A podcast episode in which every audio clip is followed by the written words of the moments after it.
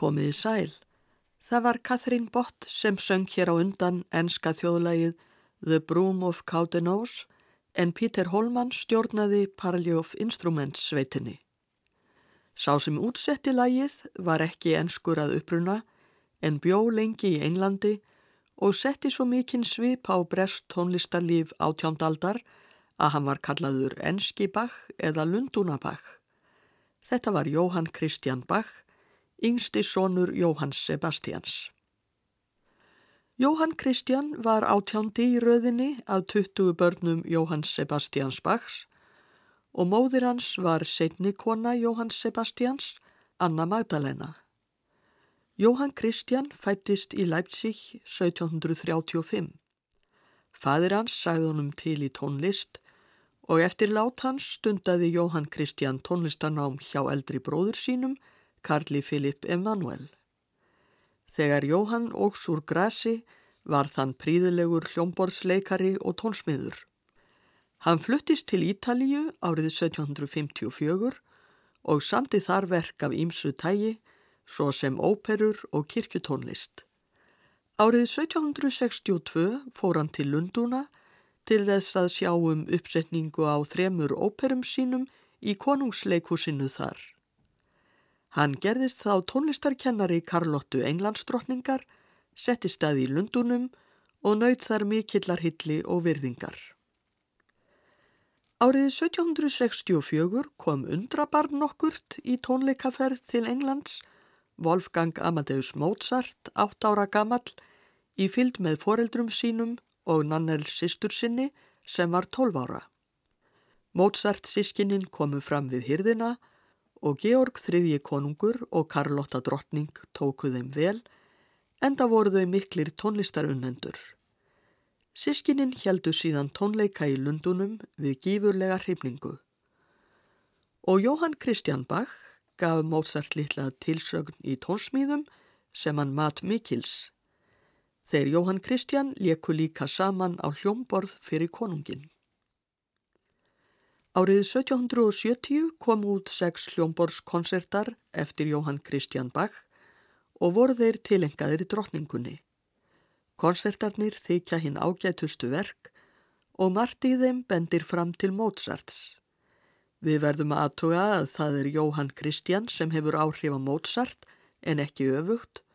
Mozart var aðeins 14 ára þegar þessir konsertar Jóhanns Kristjáns komu út og ekki búin að semja neitt af bestu verkum sínum. Hér verður nú leikinn koncert opus 7 nr. 5 í Estur eftir Jóhann Kristján Bach. Þættirnir eru þrýr, Allegro di Molto, Andante og Allegro. Antoni Hallstedt leikur á fortepiano og stjórnar Hannover sveitinni.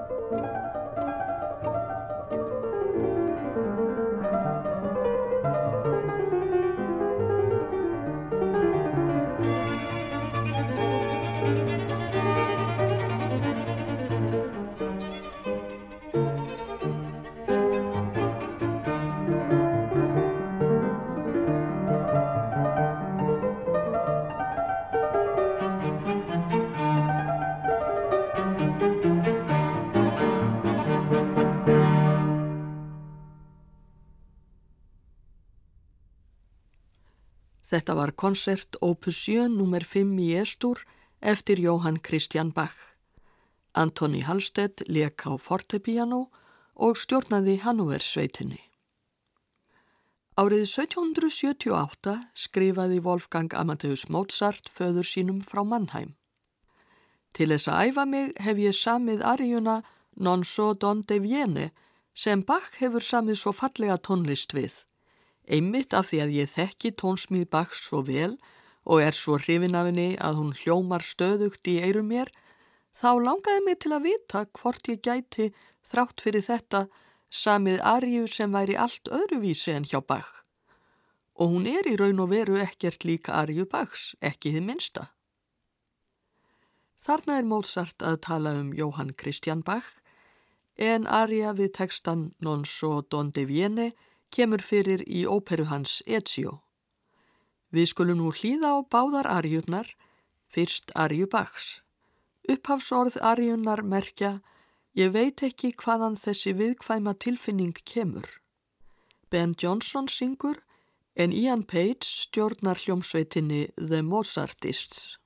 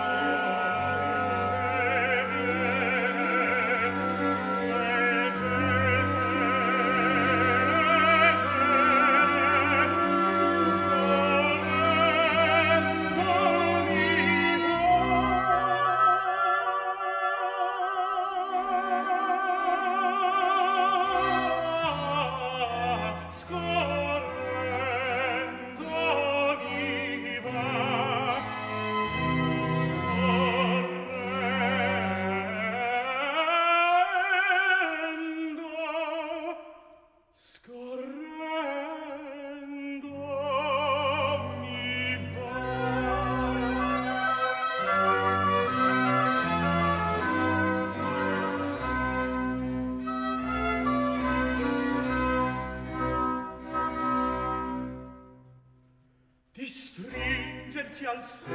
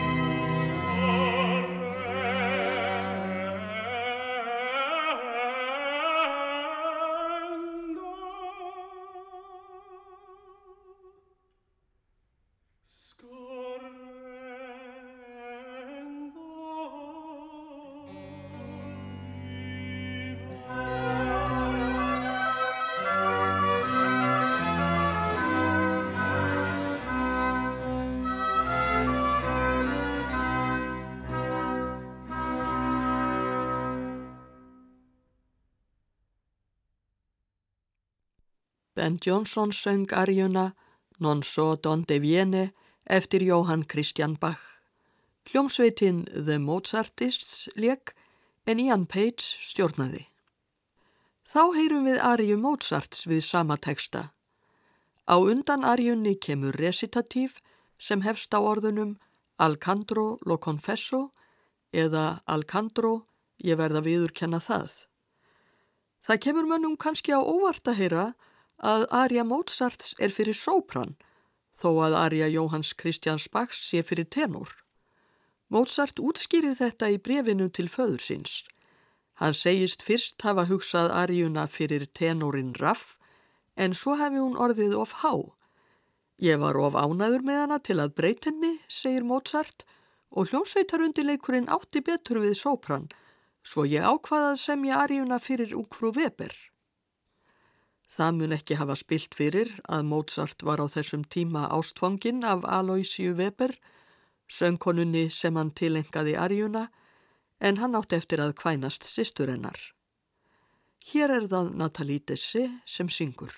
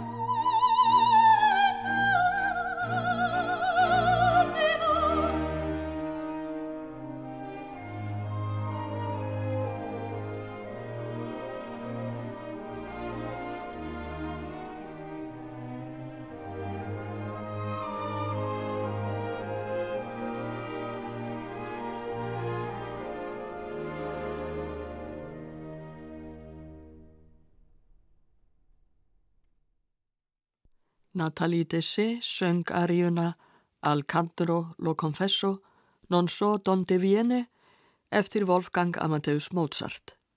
Lyon hljómsveitin leik en Theodor Gustlbauer stjórnaði. Tekstinn er eftir Metastasio. Fjórum árum eftir að þessi arja var samin, í april 1782, skrifaði Mozart föður sínum. Þú hefur vafalust frétt að enski Bach er dáin, kvílikur missir fyrir tónlistarheimin. Já, Jóhann Kristján Bach hafði látist á nýjástag þetta sama ár, 46 ára gammal. Vinsældir hans höfðu farið minkandi á setni æfi árum hans og hann var skuldunum vafinn þegar hann dó. En Karlotta drottning hafði ekki glemt tónskaldi sínu, hún borgaði skuldirnar og let ekki baks fá líferi. Tónsmiðurinn er jarðaður í kirkjugarði Heilags Pankras í Lundunum. Við ljúkum þessum þætti með bresku þjóðlægi í útsetningu Jóhanns Kristjáns Bachs. Það er Farewell to Lochaber, Kveðja til Lochaber. Joseph Cornwall syngur með Parley of Instruments sveitinni, stjórnandi er Pítur Holman. Ég þakka hlustendum samfélgina, verði sæl.